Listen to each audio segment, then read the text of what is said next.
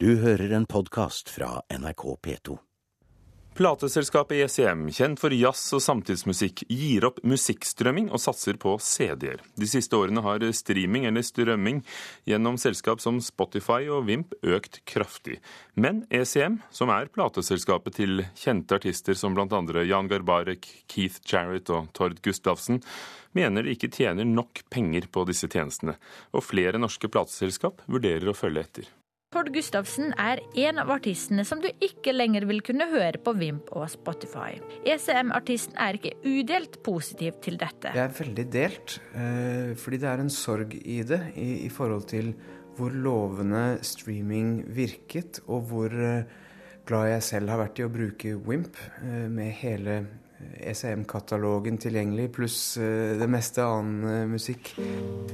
Men pengenes tale er klar. Hans siste album topper ECMs salgslister, mens fire år med strømming har brakt i underkant av 2000 kroner inn på kontoen hans. Det inntektsmessige fremdeles fra streaming er sånn at det, det blir nesten ingenting ut av det. Du må bli hørt millioner av ganger før du merker det. Mens med den gammeldagse CD-en så kunne du selge noen tusen, og du merket det selv om du ikke ble rik. Jeg hører veldig mye på musikk. Har du en CD-samling, eller? Nei. Nei. Jeg har ikke det lenger. Jeg har bare Spotify. Stadig flere går fra å kjøpe CD-plater til å lytte til musikk på strømmetjenester. På to år har andelen lytter på Spotify og Vimp firedoblet seg, viser tall fra platebransjen. Mens de store plateselskapene roper hurra for strømmetjenestene, har det mest prestisjefulle plateselskapet for jazz og klassisk, ECM, trukket all musikk fra Spotify og Vimp og satser på CD-plata. Det sier Steve Lake i ECM Records. Begrunnelsen er dårlig lydkvalitet og ikke minst betalingen til opphavsmennene. Well, you know, I mean, ECM does still like very much the uh, the model of the compact disc, and uh, and the records are made here with a strong sense of albums with a beginning, a middle, and an end, rather than this the pop model of a single track being sold. The the albums try to tell a story. So like Flere av de norske plateselskapene vurderer å følge ECMs eksempel. Eller å la én sang på hvert album bli tilgjengelig for strømming, mens resten må lastes ned mot betaling.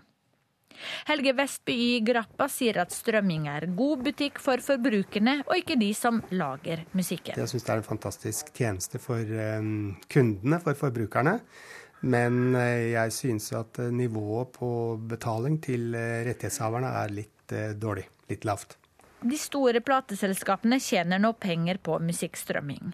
Bjørn Rogstad i plateselskapet EMI mener det er den gode musikken som vinner på denne modellen. Etter min mening så, jeg, så handler det bare om at man Ja, frykten for å forandre seg, rett og slett.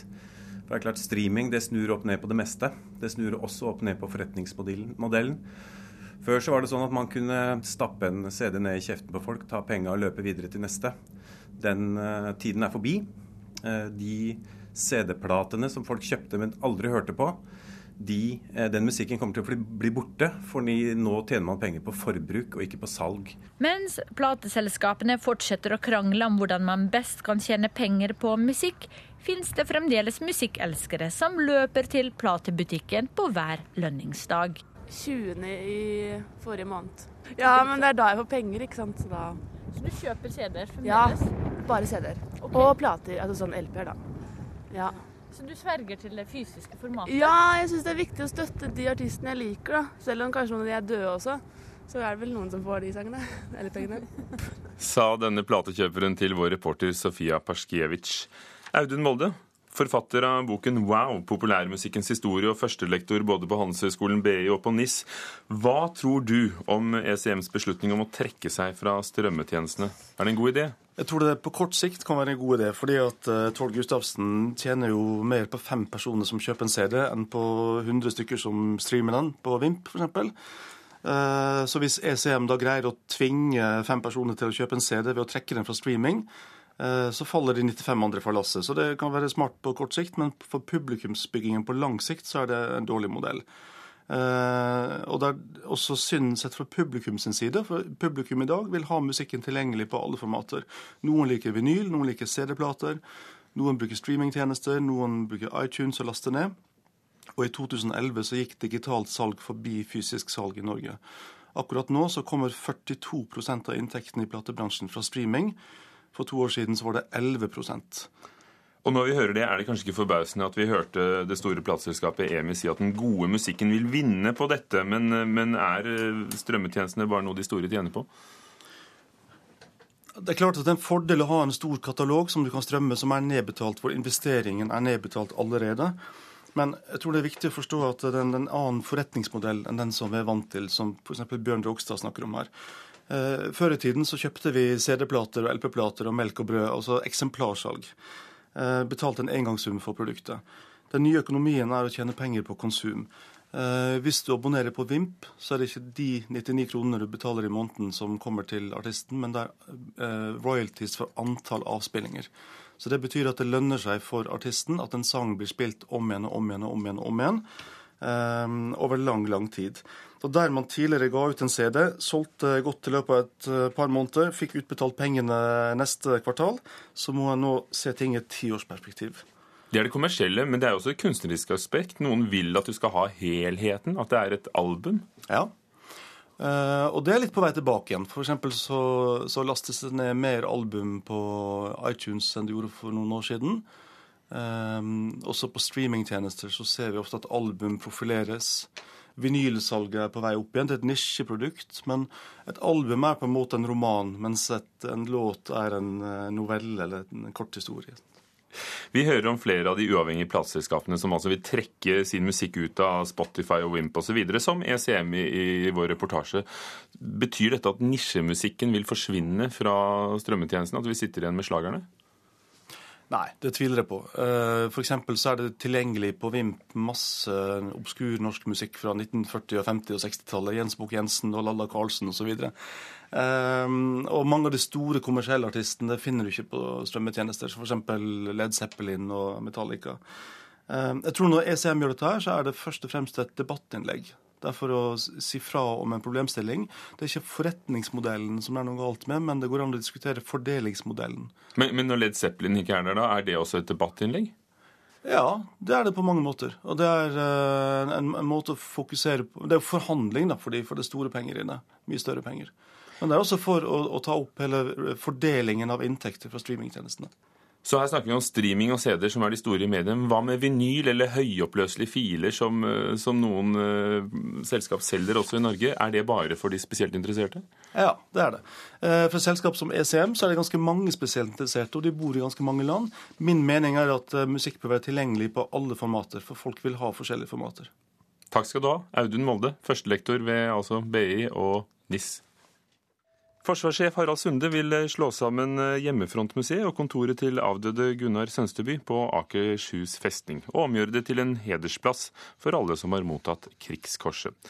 Norges høyest dekorerte borger ønsket selv at stedet skulle være et minnested for alle som har mottatt hedersmedaljen, og Gunnar Sønsteby døde i går, 94 år gammel. Kunstnerisk rådgiver for Norsk litteraturfestival på Lillehammer, Gabriel Moro, trakk seg i går fra stillingen etter bare ett år i stillingen. Moro oppgir selv at det er en arbeidsbelastning som ligger til grunn for avgjørelsen. Dette er tredje gang på kort tid at litteraturfestivalen skifter kunstnerisk leder, og kritikere Klassekampen har snakket med, mener at manglende kontinuitet er et problem. Og Kulturdepartementet avviser anken fra filmselskapet Maipo, som vil ha etterbetalt 4 millioner kroner i billettstøtte for filmen 'Mennesker i solen'. Dette skriver Dagens Næringsliv i dag. Maipo mener de har krav på støtten, ettersom publikumstallet oversteg grensen på 10 000 tilskuere. Men Norsk Filminstitutt har avdekket at flere kinobilletter ble gitt bort, eller solgt til skoleforestillinger, lenge etter at filmen var tatt av plakaten på kinoene. Han ble kalt eh, Norges største museumsmann. Noen mener han er den viktigste borgeren i Gudbrandsdalen og på Lillehammer noensinne. I dag ville grunnleggeren av Norges nest største friluftsmuseum, De Sandvikske samlinger på Maihaugen, fylt 150 år. Og i et vandreteater gjennom Lillehammers gater i ettermiddag skal Nils Ole Oftebro spille samleren Anders Sandvik. Noen samler har jeg vel egentlig aldri vært, bortsett fra på gamle sokker og underbukser, påstår min kone når hun leter i skapet og sier du må lære deg å rydde. Stortorget i Lillehammer. Det er ikke så verst i dag. Det er kommet litt varme i lufta nå. Nils Ole Oftebro i Sandvik Flossat og regissør Morten Jostad forbereder Vandreteatret, som i ettermiddag skal slynge seg gjennom gatene fra jernbanestasjonen opp til Maihaugen. Han var rødhåret og fregnet. Opptoget med 180 aktører, dyr, karioler og hornmusikk var i Anders Sandviks ånd. Skal bli ferdig nå i løpet av uh, sommeren. Men så har vi Storseten igjen. Den har vi ikke innkjøpt. Anders Sandvik er den viktigste borgeren i Lillehammer og Gudbrandsdalen noensinne. Han fikk satt hele regionen på kartet med det fantastiske arbeidet han gjorde her. Sier Ole Gunnar Nagelseth ved Maihaugen, produsent for kveldens forestilling. Muskler som knottekjepper! Anders Sandvik kom fra Hustad i Møre og Romsdal og dro til Tyskland for å bli en av Norges første tannleger. Men fikk tuberkulose og trodde han skulle dø. Fikk beskjed på at du har kort tid igjen å leve, maks et år. Og så får han beskjed på å reise oppover mot Mjøsa, du, kanskje nordenden er bra for deg. På Lillehammer møtte Sandvik den originale samleren gudbrandsdølen Trond Eklestuen. Han bodde til ei lita oppe i Ottadal og, og brukte livet sitt på å samle i hop gamle saker sier Endre Skjåk, som spiller Eklestuen i teatret i kveld. Han tykte det var fryktelig trist at uh, så mye skulle forsvinne ut av både distriktet og landet. Det var en tid hvor så mye ble revet, og de fleste av stavkirkene våre f.eks. Det var noe gammelt rask som ikke, eh, ikke, var bra nok fordi det var for lite og det ikke ga plass til folk. I dag er Maihaugen på Lillehammer Norges største museum utenfor Oslo, med 200 bygninger. Muligens det flotteste folkemuseet vi har i Norge. Både pga. samlinger og fordi at Sandvik klarte å plassere det så flott i terrenget oppå der. Og i dag, 150 år etter Anders Sandviks fødsel, feirer Lillehamringene mannen som har betydd så mye for byen og Gudbrandsdalen. Ja, hva hadde Lillehammer vært uten Maihaugen? Vi hadde f.eks. aldri fått OL uten Maihaugen, det er jeg helt sikker på. Helt sikker. Dette er bare et eksempel. Forestillinga starter i Lillehammer sentrum, og underveis kan folk slutte seg til opptoget og bli med den nesten to og en halv times lange turen det tar å spille stykket opp til Maihaugen. Det er den mest uh, typiske seter jeg har funnet her i Gudbrandsdalen. Stykket viser historien om Anders Sandviks liv, men også om det konfliktfylte forholdet mellom byen og de sandvikske samlinger. Ganske anstrengt i en periode hvor man ikke helt skjønte hva dette her prosjektet hans var, og, og, motstand mot at byen skulle bruke penger på dette kjøpet. Men hva pokker skal man gjøre med sånne folk som uten videre kommer her og de vil se det og se det? Og jeg har slett ikke noe moro av å vise frem et halvferdig arbeid. Jeg traff akkurat en av statistene, hun er 71 år. Og hun fortalte at hun husket han fra hun var liten, for hun var ni år da han døde. Så hun kunne huske at når de møtte han, så ble de helt sånn starstruck, sånn som han i dag blir hvis Brad Pitt hadde kommet gående liksom tilfeldigvis ned Lillehammers gater. Og de neiet pent, og da tok han altså hatten sin sånn flott, og så sa han eh, god dag, små piker. Og da hadde han alltid sånn lite glimt, så de kjente de frøs litt ned i ryggraden og syntes at dette hadde vært en stor dag. Så jeg øver meg nå på å gå og ta hatten og de små pikene og si god dag, små piker. Nils Ole Oftebro, som altså spiller Anders Sandvik på Lillehammer i dag, i morgen og søndag i anledning 150-årsjubileet hans.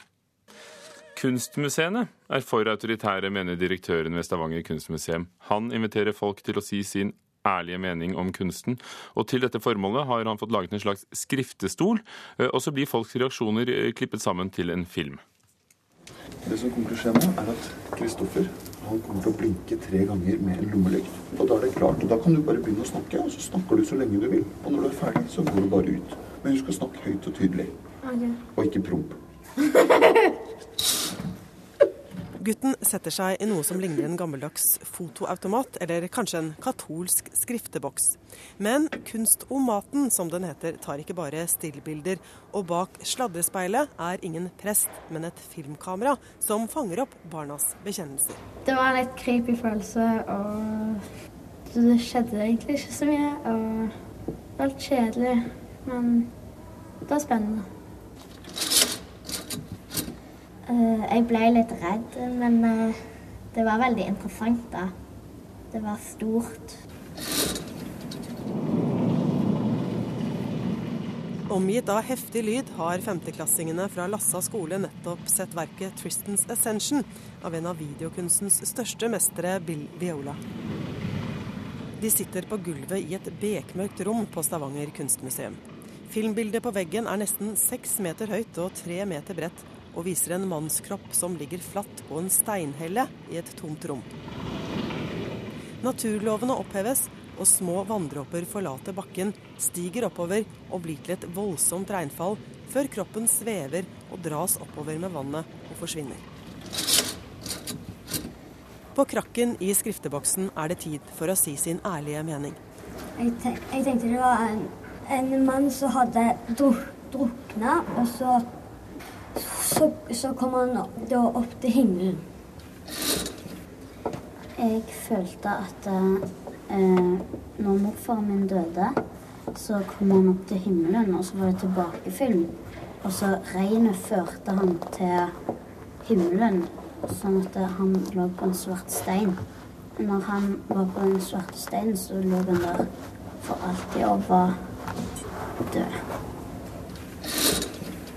De personlige tolkningene skal klippes sammen til en film som så skal vises på museet. Hensikten er å rive ned barrierer, sier museumsdirektør Peter Meyer. Det er jo alltid sånn at kunstmuseernes autoritet Vi forteller hva er det riktige, og folk blir usikre når de kommer inn og sier 'jeg forstår det ikke'. Og øhm, Vi ønsker å gi folk den selvtillit tilbake.